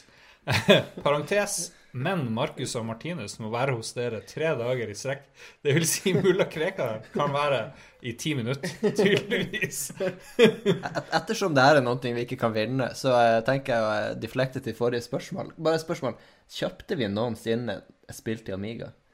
Uh, Ever? Til Commodore, ja. Til PC, ja. Men Amiga som var derimellom. Ja, vi kjøpte til CD32, men jeg vet ikke om vi kjøpte noe til Jo, jeg fikk en Amos uh, programmeringsgreie. Ja, men det teller ikke, tror jeg. Til ja, Kanskje det var Jeg klarer ikke å huske et eneste spill vi kjøpte til Amiga. Det må jo ha vært den mest piratkopierte greia noensinne. Det er ikke så rart at Amiga gikk konkurs. Sånn. Men nå hopper du bort. Jeg kjøpte, jeg kjøpte masse spill på Amiga, men jeg, jeg, jo, jeg syns jo jeg kjøpte Cruise for a Corps, jeg kjøpte mm. Midwinter, jeg kjøpte Monkey Island 2, jeg kjøpte uh, Ultima 6 eller 5, en av de. Jeg hadde mange Amiga-spill. Ja, Men du var mye eldre enn broderen. Og... Ja, men jeg, tror jeg hadde sånn Jeg hadde sikkert tre originale Amiga-spill, tror jeg. faktisk. Mm. Ja. Jeg, kan bare si none of the above. men alle tre, alle tre var gaver. Ja. vi hadde, vi hadde sikkert 2000 Amiga-spill, og vi kjøpte jo ingen av dem. Jeg tror det samme. Og det er jo tragisk at Lars er jo den som elsker Amiga mest, og den som bidro minst til å holde liv i maskinen. Jeg visste ikke bedre. Jeg hadde dårlige venner som Jon Cato. Jeg må si, jeg, jeg må si Amiga er nå the time of my life. Altså Moonstone hadde jeg jo gledelig betalt masse for ja, egentlig, om det hadde hjulpet. Men du hadde ikke penger, du er Nei, det er jo klart, man var jo liten kid. Brukte alle pengene på Magic the Gathering. Der var det jo bra ja, forretningsidé. Magic, der har du uh, business. Ja. Julemiddag, julemiddag. Julemiddag. Uh, skal vi velge Mulla Krekar eller Marcus Martinus? Jeg må velge Marcus Martinus, tror jeg. Gjør du det? Hvorfor ikke velge Mulla Krekar? Det er jo sikkert to hyggelige gutter. Mulla Krekar er jo en moron. Men Mulla Krekar har jo mening om ting. Det Han kan vi jo prate med. Men vet Jan, Jan Fredrik vet Mulla Krekar kan du jo Mulla Krekar kan du jo ta gi julenissedrakt, så har du julenisse til. Farge skjeggene hvitt. Men Fredrik, du vet jo ikke hvem Markus og Martinus Jo da, han, de er jo store i Sverige Og. Er de det? Ja, ja, første, første, konserten deres i uh, Stockholm, altså, de måtte jo det var på Grønna Lund. De måtte jo sperre hele den parken for at folk det... De hadde plass til 10 000. Jeg tror det møtte opp 30 000 skrikende 13-åringer. Det er vel selvfølgelig mulla Krekar. Jesus Christ. To tolvåringer, eller hva? Nei, vi tar, vi tar, vi tar vi, Det fins kystjegere på Trondenes. Vi tar mulla Krekar der. Det er mission. Jeg tar uh, Ungene hadde elska det hvis Marcus og Eller de to yngste, får jeg poengtere, hadde elska det hvis Marcus og Martinus kom i tre dager, så det er no Hva er kulest, selfie med mulla Krekar eller selfie med Marcus og Martinus? Kan, kan, jeg legge til tredje alternativ Lollo og Bernie, Startour sine maskotter, som har tatt over for Bamseklubben? Da hadde ungen min elska det. Aner ikke hva Lolo og Bernie. Det er bare å google og angre på at dere googla det. Det er sånn småbarnsgreier. Ja, mm. La oss ikke google det. Marius Lyseggen Krinnan, hvis det skulle komme en ny Indiana Jones-film i nær fremtid, hvor syns dere oh. den skulle foregå, og hvilke skatter og eller konspirasjonsteorier burde den handle om? Utrolig. Ikke aliens, i alle fall. Utrolig bra spørsmål. Kunne du ikke lagd en uh, film om Fate of Atlantis? Ja, det hadde vært awesome. Oh. Den, den, har jeg spilt gjennom med Rune, ja, faktisk. Ja, Det er litt kult òg, Atlantis, liksom. Ja, de, de burde, de burde filmatisert det adventure-spillet. Ja. Helt bare fra Men ikke, ikke ta med han Shia LaBeouf. eller, eller CGI-apekatter. Nei, men seriously, om de hadde filmatisert den Fate of Atlantis-spillet til ja. Lucasfilm Det er bare Jeg hadde sett den og det var et bra plott. da. Ja, nå hører dere eh, film Hollywood.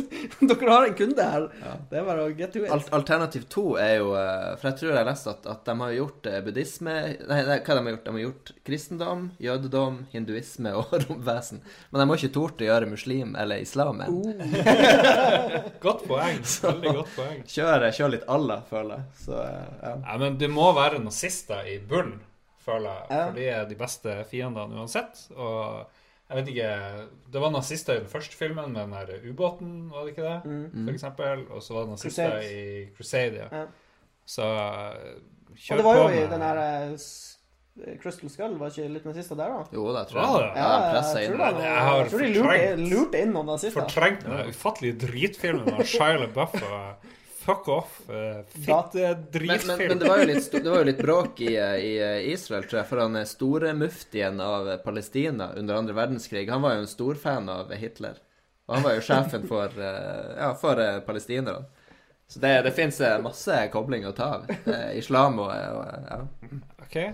Jeg skal ikke prate for høyt om det. du vet veldig mye om det her, Fredrik. Jeg, jeg ror veldig mye, men uh, det Jeg foreslår at um, Muhammed, selve profeten, skal ha en stor rolle i neste Indiana Jones-film. På en smakfull måte. Der, uh, der ringer PFU-en. Nå må vi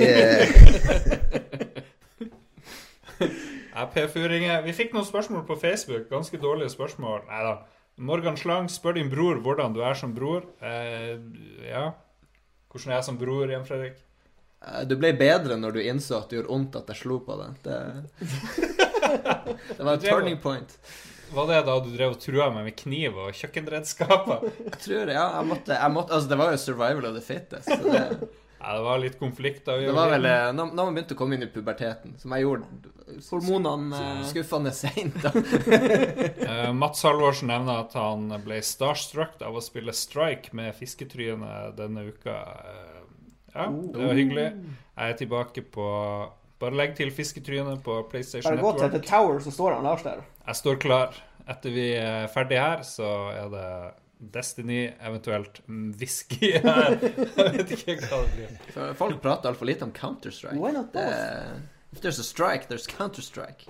Okay, det var jo storspillet. Ja, det, der har vi en special. Ja. Mm. Kan ha en episode om det. Oh yeah. Det kan vi uh, ha en annen gang. Nå har vi en spalte igjen, rett etter denne låten.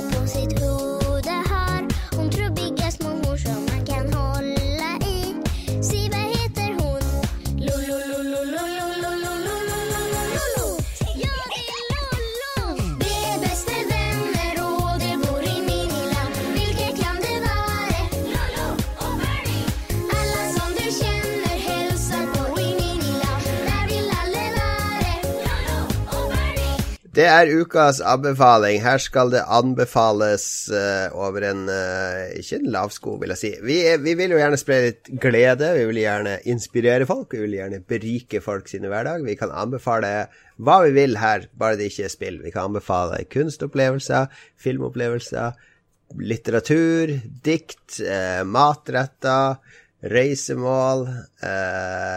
ja tannlegen til Lars har jo blitt anbefalt før, f.eks. Tannlegen til Berseth. Mats òg, er det ikke ja, det? konge. Ja. Er du enig i min anbefaling? Ja. Beste tannlegen i Harstad. Oh yeah. Jeg tror du må begynne, JC, fordi ingen her har klart å finne på en anbefaling. Jo da. Jeg skal begynne. Jeg skal begynne. Jeg har lest ferdig nå når jeg var i Frankrike, leste jeg ferdig en bok som heter Lowcraft Country, skrevet av Matt Ruff.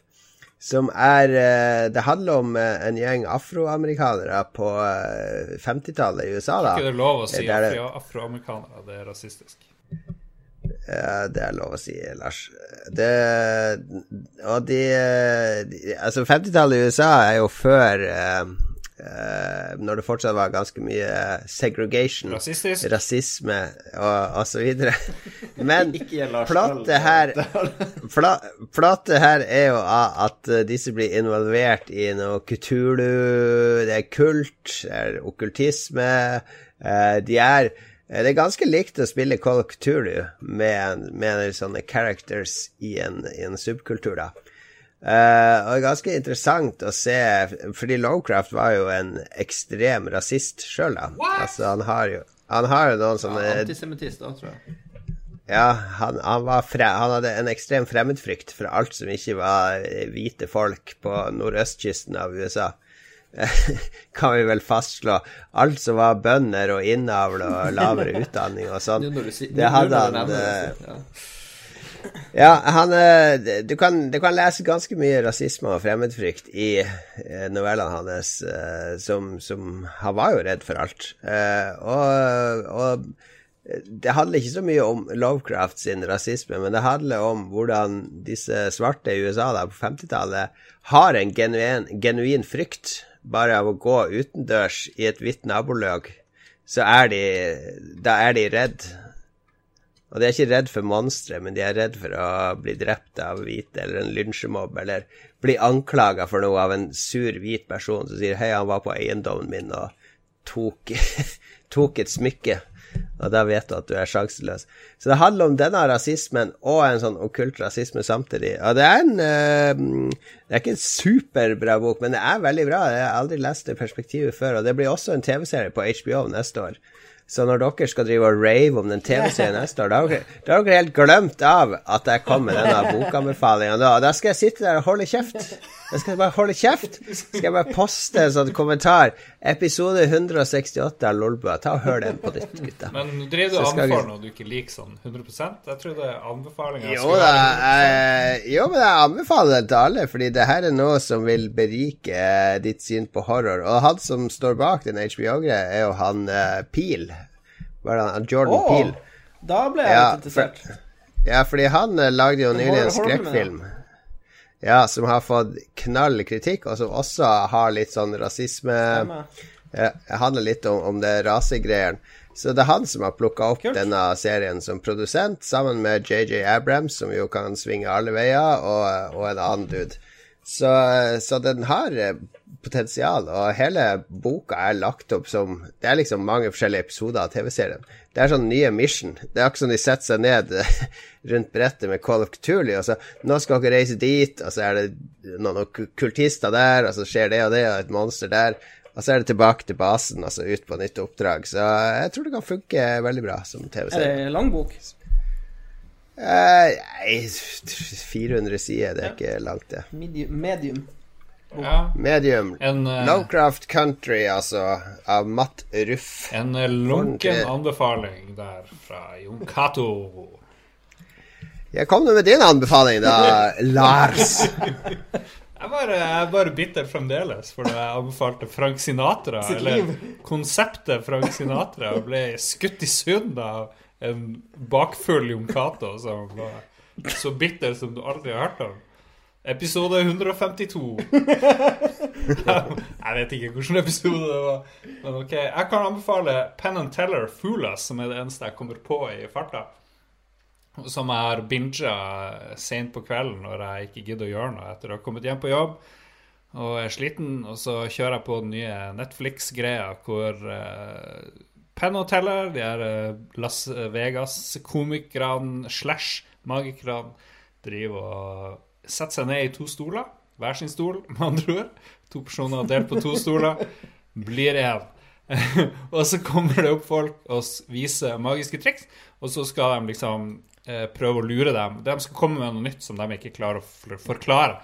Fordi magi handler jo om at du ikke klarer å skjønne hva som skjer, egentlig. Det handler om å En illusjon. En illusjon, og få dem til å Liksom, det her går ikke an. Vi har, vi har alle sett filmen The Prestige. Vi har alle sett Prestige og vet at Penn Teller har 4000 lik i en kjeller etter det sted. Men det er så jævlig bra, det greia. De har bare én sesong, sånn 1920-15, jeg husker ikke hvor mange episoder. Men det er så mye kul magi. Jeg er jo, jeg er jo en sucker for et godt magic trick. Og min favoritt er jo der de her folkene som gjør et triks, er veldig ærlig og åpne, for det er et liksom preintervju før, da. Og så sier de OK, det er, det er mulig de vet hvordan det her gjøres, men jeg har nå prøvd å lage noe nytt. Og, og, av og til så blir de lurt. Noen ganger så virker det som at de bare sier ja, vi blir lurt fordi de respekterer de som er der. Fordi seieren er å liksom komme på Penn Tellers sitt Las Vegas-show. Og Jeg har aldri vært i Las Vegas, så for meg er det jo fremdeles en magisk by. Jeg tenker ikke på uh, Leaving Las Vegas med Nicholas Cage og drive og drikke seg i hjel og være fattig og rusmisbruker eller et eller annet sånt. Jeg tenker på glamour og mafia og kule show og Fear and loathing? Fear, ja, fear and loathing. Det er jo min drøm. Hvis jeg skal til Las Vegas, så vil jeg fære med dr. Gonzo og uh, John, Johnny Depp. Han, uh, Johnny Depp og han er the real deal, tror jeg. Benicio del Toro, eller hva det Hunter S. Thompson. Ja, det er Benicio. Ja.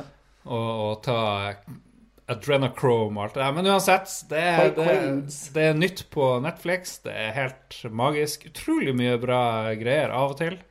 Sånne små Det kommer en sånn gammel fyr som har funnet opp alle de, veldig mange av de her eh, mynter forsvinner i handa di-triksene.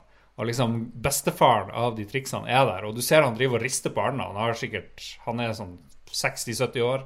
Han har ikke helt kontroll, men han klarer å gjennomføre sånn verdens beste rutine hvor han forsvinner alle mulige ting. Og de her Penn og Teller bare sitter her OK, jeg vet, for du har skrevet masse bøker om det her, så vi vet basicsen, men det du har vist nå, det vet vi ikke hva, hvordan du gjør, egentlig. Uh, nei, det, det, er bra. Penn and Teller, Fool Us på Netflix. Min anbefaling. Tusen takk. Glødende sammenfall. Yeah. takk, takk for det. Jeg, jeg la merke til at du konsekvent omtaler de som magikere, og at de utfører magi. Det er, det er vel tryllekunstner vi sier i Norge, er det ikke det? Jeg føler at de har veldig mye i wisdom. jeg, tenker at uh, jeg, jeg tenker Hvis Tore Torell skulle komme til Harstad og ha et show, så, show, så har du ikke skrevet i Harstad-tiden 'Magikeren Tore Torell kommer'. Det er jo, det er jo trylleshow. Det er, det er, ikke et magishow. De har veldig høy int, veldig høyt whiz, og eh, magikere. Wizards de pugger spells hver morgen før de drar ut på mission. All right. Uh, Mats? Ja, har dere snakka noe om Better Call Saul? Um, kanskje litt. Jeg vet ikke. Ja, vi har nevnt det før. Jeg har sett to TV-programmer i det siste. Jeg har sett Better Call Saul, sesong, sesong to. Og så har jeg sett American Gods. Har dere snakka noe om det? Ja, det har Magnus ja, snakka om. Altså. Så ferdig sesong to. Um, det er jo da en spin-off-serie basert på karakterer fra Breaking Bad, som han Vince Gilligan har lagd, som er en utrolig bra dramaserie. Uh, som går over fem sesonger. Better Call Saul, helt nytt. Eh, sesong to er helt fersk. Eh, handler om eh, minor characters. utrolig bra skrevet. Handler ikke om han Saul, han trasekar? Handler om han advokaten til han Walter White. før han ble Saul Goodman, på en måte. Hans liv før Saul Goodman. Ja, Men du sier minor characters. Jeg tenker jo han Saul var en major character. Ja, major characters er jo Jesse Pinkman og Walter White Sånn strengt tatt. Han er jo ikke med i hver episode, liksom. Jeg, jeg er enig. Agree to disagree. Nei, jeg er enig. Du er det, okay, ja. Nei, Lars, men, Lars hysj. um, nei, og så er det bare Altså, det er, jo, det er jo samme showrunner som Breaking Bad, han Vince Gilligan, og han er så utrolig god å skrive historier som interesserer deg, på en måte. Uh, utrolig mye kule sånne kameraføring. Det er jo sikkert en annen fyr som er involvert da, men jeg elsker bare den uh, elsker Breaking Bad, og er veldig glad i Better Call Saul. Men er det bedre enn Breaking Bad? Fordi Breaking er- Bad satte jo litt Ja. standarden. på et vis. Det er litt annerledes. Det er jo ikke like, det er ikke like voldelig. Det er ikke på like stor skala. For Breaking Bad tar jo litt av, uten å spoile for mye. Uh, Mens Better Call Saul handler mer om advokater og scams og cons og sånne ting. Og så introduserer de etter hvert eh, litt mer kriminelle elementer da, i serien. Men det er, det er på mye mindre skala enn Breaking Bad. Men det er veldig sjarmerende, veldig bra lagd. Eh, anbefaler alle å sjekke det ut. Og jeg vil faktisk tørre å påstå at du kan se Better Call Saul helt fint uten å ha sett Breaking Bad. Det går helt fint. Bra anbefaling. Du kan jo det. Det er vel bare Det er jo han Saul og han uh, Mike Stemmer som er de to. Ja, og i sesong to er- kommer det flere, da. Men ja, trenger ikke si så mye om det. Du, du la merke til at i en scene der en sånn dude skal leie en livvakt, så er jo han eh, Trevor fra Yes. GTA 5 er jo Fantastisk. en av de Ja, ja, ja. livvaktkandidatene. Det er utrolig, utrolig mye kult i Better Call Saul. Anbefales. Han er, han er jo Trevor på ordentlig. Ja, ja, ja. Altså, han ser ut som Trevor, han snakker som Trevor, og han har samme fakte som Yep. Trevor. Uh, Det er eh, ikke, det er ikke Voach, det er voice uh, Nei, det er, det er han. De modellerte jo Det er han på som var- på en måte. det er han som er voicen til Mm. Trevor. I Og han GTA ser jo, han ser Ja. jo ut som han også. De tok ikke Ja. bare stemmen hans, sånn. Han er jo awesome. Han er helt konge. Um, og det, ja, det er på Netflix, kan jeg vel si. Yes, sjekk ut Better Call Saul. Mats, hva skal man, hva skal man kolla eh, når man er i Sverige? Hør, hva sjekker man? Er det noe nytt på ble- Er det vikinger, da? Men du, du er som mora mi, du bruker feil navn på meg. Hun sier Lars, og du sier Mats. du kan prøve en gang til. Jeg vet ikke. Men har du, det har jeg glemt å spørre om, har du et svensk kallenavn? Er det Jaffa som kommer? Jaffa, hur er det på kontoret nå? Er det noe kaffe på kaffetrakten? Det, det du ikke vet, jo, hva det er at i eh, universitetsmiljøet i Lund så er det ingen som snakker med hverandre. Jeg går bare rundt og heter. Men det er, Jaffe var jo mitt kallenavn i Harstad, da. Det er my Kalle, de, de sier bare Jan Fredrik. Ja, men i, Sverige, I Norge kalte de meg for Jaffe, og, og foreldrene kalte meg for Jaffa. Eh, I Sverige så er det ingen som prater, så det er mest tyst. Det er liksom trist. Men det ja, ja. Må få fred. Un, ungen skriker nok om natta, så jeg er veldig Jeg begynte å sette pris på den stillheten mer og mer. Det, ja. Det skjønner jeg godt. Men hva vil du anbefale, da, bortsett fra Kan, kan jeg begynne med et spørsmål, bare? Ikke bruk så mye tid på det. Ja. Men uh, jeg så på Netflix uh, her om dagen, så var Castlevania mangaserie var plutselig available. Jeg bare What?! Stemmer det? Er det, er det bra? helt- Det er en ganske ny produksjon, er det ikke? Jeg så eh, alle episodene bortsett fra den siste med han Charter, og det varer jo bare i to timer. Det virker som det er en film de bare har kutta opp i deler, og det er ikke veldig bra, men det er jo Belmont-familien, og det er han Dracula som er fienden, og så videre. Og det, er, det er helt OK. Jeg, Litt eh, jeg begynte å se første episode, men så gikk det ikke an å bytte audio til original. Du kunne ikke- skru av TV-en heller. Nei, men det var jo engelsk tale. Ja. Ja, men jeg Og tror det er et engelsk prosjekt. Det har ikke noe med. Japan å gjøre. Nei, alle credits er, er, har ikke noe med Japan å gjøre. Ok. Ok, ja, men bra, da vet jeg at jeg skal styre unna det. Det er jo det, det er en engelsk serie, men den er jo skrevet av han uh, Warren Ellis, Ja. altså han som har tegneserien Transmetropolitan, og uh, han, har, han har flere bra tegneserier. Overraskende drit til å være Warren Jeg Ellis. Jeg tenkte Castlevania, bare whoop! Men uh, ja, ja. Fine, da skal jeg styre under det. Ellers så har jeg jo et, et brettspill og en TV-serie jeg har sett. Men TV-serien er jo kanskje Vi har veldig mye. TV-seere, men, Ja, men Twin Peaks, The Return, har dere pratet om den? Ja, jeg vil høre. Jeg jo elsker jo Twin Peaks. The har- Water is the Well, osv. Det er helt fantastisk. Jeg vil si eh, David Lynch, han har venta 25 eller 26 år og gitt eh, menneskeheten en ny gave. Det, det, jeg, kan ikke, jeg kan ikke anbefale det med noe Varmere enn det. Ja, noe varmere enn det. Det er helt sjukt. Men det, jeg, tror, jeg tror eh, visse folk hater det, og visse folk elsker det. Men jeg bare elsker det helt vanvittig. Men du kan liksom ikke si noe uten å spoile det, egentlig. Kan du det? Jo, jeg kan si The Water is the Well eh, 200 ganger. The water is the well. ja, ja, men det er episode, episode 8 er det jeg Hvor mange, den, hvor mange eh, episoder er det? Eh, så, enn så lenge har det kommet ut ni episoder. Jeg har ikke sett den niende. Det skal være 18 episoder enn så lenge. Sist jeg så episode 8. Jeg tror under den timen så var det sikkert mindre enn fem minutter med dialog. Eller noe sånt. Oi. Det er helt sjukt. Men jeg, jeg elsker sånt. Så det var liksom Man har tatt eh, 2001 eh, Space Odyssey siste ti minuttene der, og så har han liksom Ja, han bruker en episode på det. Jeg lager en, episode, en hel TV-serie av 2001 TV eller film. Ja, men det, men det er sånn merkelig greie. For jeg tror han har, han har tenkt at ok, nå har jeg 18 episoder, hver episode varer ca. en time, 50 minutter eller noe sånt. Og da, da, da, da, skriver han et manus for det, og så bare deler han det opp. Sånn det, det er jo så klart litt sånn der eh, akt 1, akt 2, akt 3 osv., men men han tar seg så sinnssykt god tid. Jeg tror i en episode det er Jeg tror det går fire minutter der en eller annen fyr går rundt bare og koster gullvin på en bar. Rett og slett. Og på slutten av de fire minuttene så er det en eller annen fyr som står i baren, som får en telefon. En telefonsamtale, og så svarer han på den. Men det, det er så deilig, for han, Lynch gjør det andre regissører ikke ja, helt tør å gjøre. Egen, han går sin egen vei. Ja, ja. Han... Og, og, og, når de skulle lage de her nye episodene, så, um, så, så slutta jo Lynch. Lynch han bare sa nei, det her blir ikke av. For han fikk mm. ikke de frie, kreative tøylene som han ville ha. Mm. Så han bare walked away, og da, ja, da kom han springende. Og det er, det er helt fantastisk, syns jeg.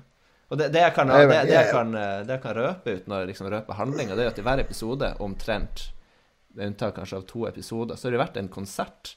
Der man liksom bare filma et band som har spilt en hel sang på en scene. I, i Twin Peaks, der, på scenen der. Og i episode åtte så var det vel uh, Nine Inch Nails. What? Ja, ja, Fire-fem minutter, de bare står der og synger den sjukeste kule sangen. Og det er skikkelig sånn her uh, Lost Highway-følelse. Han bare mm. to the roots, liksom. Awesome. Nice. Ok, men, men, det jeg tenkte da jeg så første episoden og skrudde av etter fem minutter, var at jeg skjønner ingenting. Jeg må se Firewalk With Me og slutten av ja. Twin Peaks-TV-serien på nytt. Stemmer det? Etter episode åtte kan jeg si at uh, jeg skjønner ingenting. En, jeg, jeg embracer det. det jeg har ikke sett det. Jeg, jeg, har sett det relativt nylig, i både sesong én og sesong to. Det er sånn her sju-åtte år siden. Og Firewalk With Me så jeg forsøkte å se med dama, da, og det var vel det som skjærte seg. Så jeg har den DVD-en hjemme en eller annen plass. Jeg har ikke helt eh, klart å lete den frem.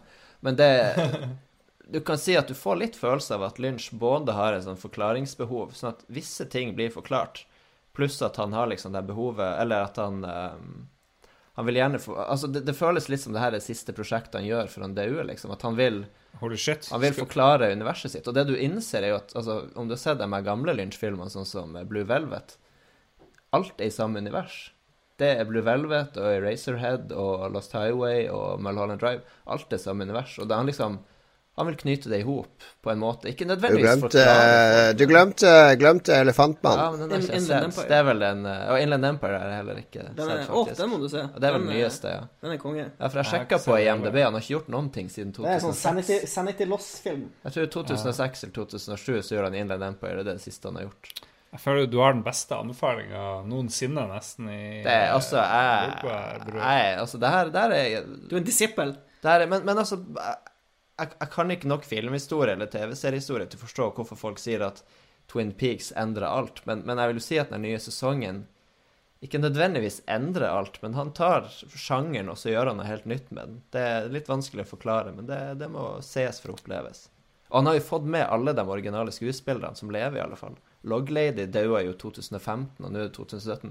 Og han har faktisk filma. Det er en hel del scener med Loglady, så det er awesome. Så det What? I loves it. Konge. Veldig bra. Og, og originale Laura Palmer er med. Han filma til og med ting i 1990 som, som, er med her, som er nytt. Så, eh, Jesus fucking Christ. Awesome. Kato, hva du syns du om anbefalinga? Jeg er veldig stolt av min bror. Glad for at vi tok han med. Ja, det er bra anbefaling.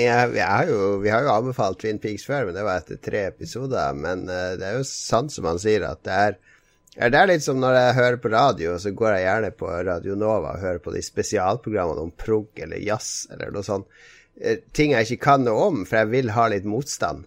Jeg vil ha Og det vil jeg ha av og til når jeg ser TV òg, eller film. Jeg vil ha litt motstand i det jeg ser. Jeg vil ikke bare legge meg tilbake og bli underholdt i to timer av noe strømlinjeforma underholdning, som jo er 99 av det som er på Netflix og av TV-serier.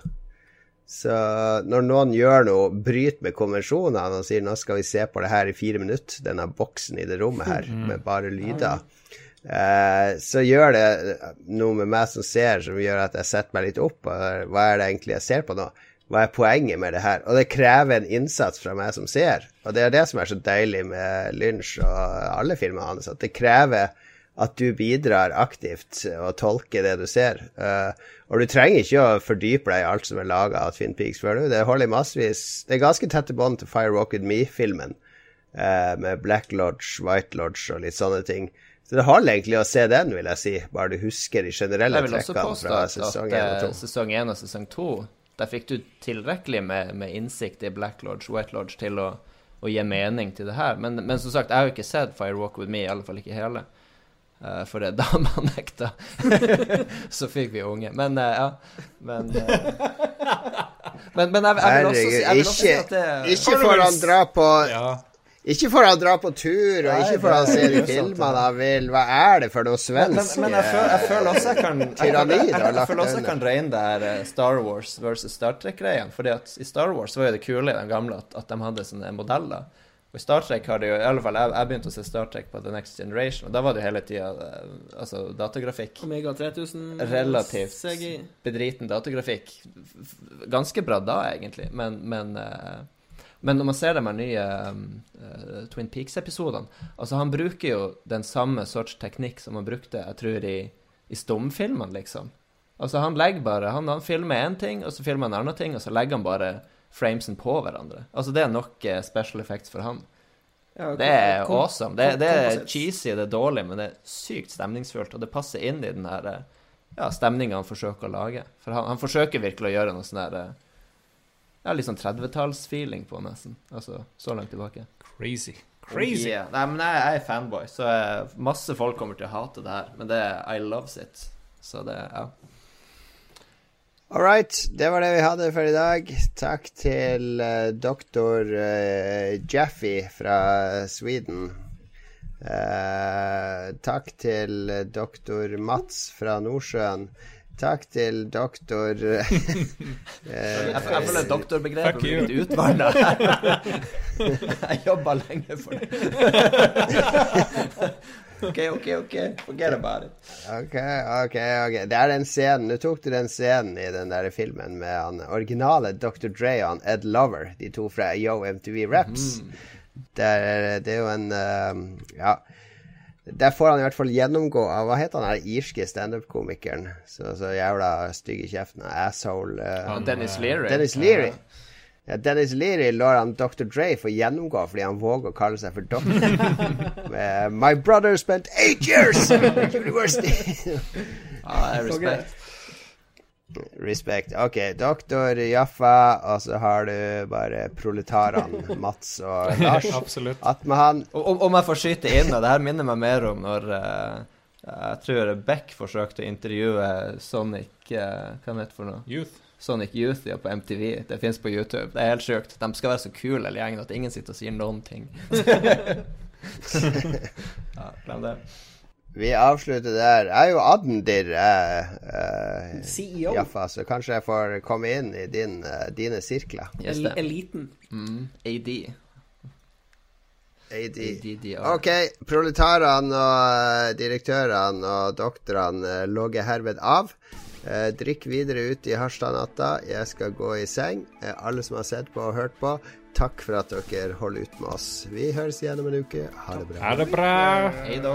Følg oss på Facebook, Twitter, Twitch, Twitter, Twit, Twitch, Parlor, MySpace, Cthulhus.com, MySpace, Fingerlicking, Instagram, ICQ, Instagram, ICQ, ICQ uh, Mirk, Mirk, IRK, Kanal Harstad, Kanal Harstad, Monopol.no og eh, blackpower.com. Do it. Do it. Ha det bra.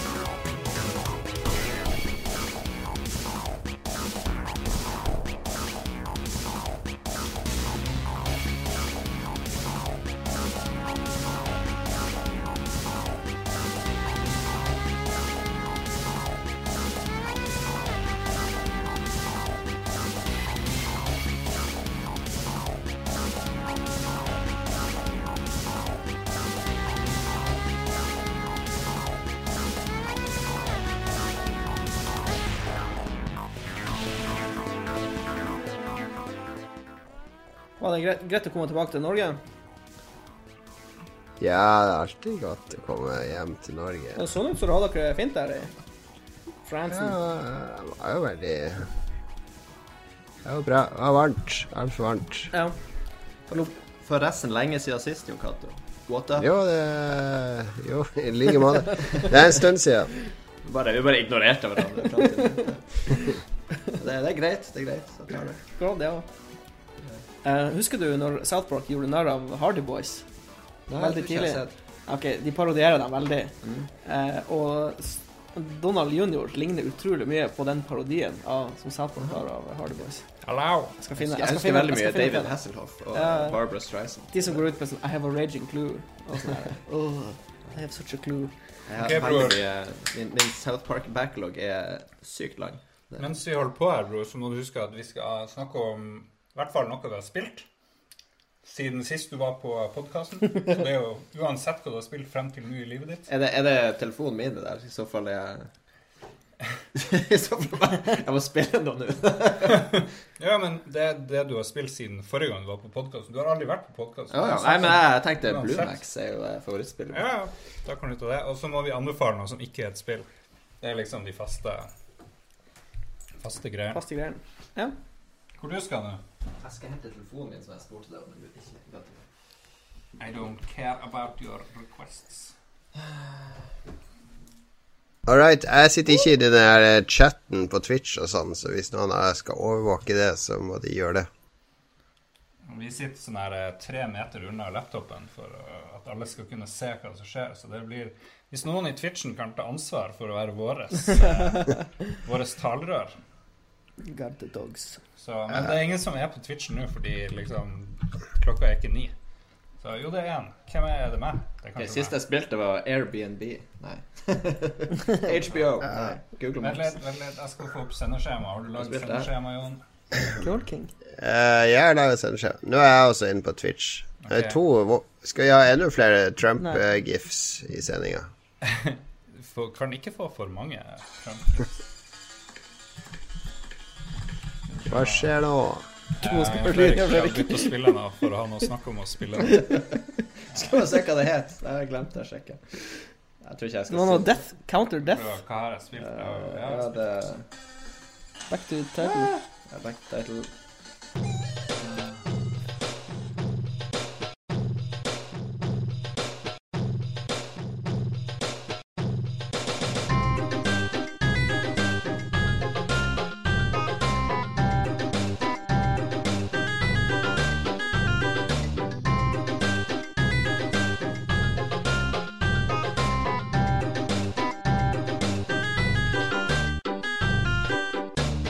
Burde få broderen oftere med. Eh, når du begynner å skjønne triksene og kan spille litt mer. Det er jo Jo, men det, jeg, tror, jeg tror det er mange fedre rundt omkring i det landet som har lyst til å spille veldig mye mer enn de gjør. det, de kanskje ikke representeres eh, Jo, men det er Jon Cato som er du- Jon Cato er jo Han primeksempel jo ja, ja, men det jeg, jeg tar jo eh, Det er sjelden gang når jeg har tid til å høre på Lolbua, så tar jeg jo notater fra det Jon Cato Ja, men det det, det er jo ingen som mestrer spillelivet og familielivet bedre enn deg, Jon Cato. Så jeg syns du er litt sånn beskjeden når du sier hvordan du får det til å funke. Fordi du gjør jo veldig mye ting. Men det kanskje kommer flere gullkorn utover sendinga. Ja, vi, får, vi venter på gullkornene, Jon Cato. Føler du skjuler noe? Er det Rohypnol? Kanskje eh, jeg har en hemmelig bokavtale der alle avtalene skal ut Nei, alle hemmelighetene skal ut. Så nei, vi får eh, se hva vi får ut av meg. Nå er det hva vi har spilt i det siste. Har du et enkeltpersonforetak eller en liten bedrift? Da er du sikkert lei av å høre meg snakke om hvor enkelt det er med kvitteringer og bilag i fiken, så vi eh, gir oss her, vi. Fordi vi liker enkelt. Fiken superenkelt regnskap.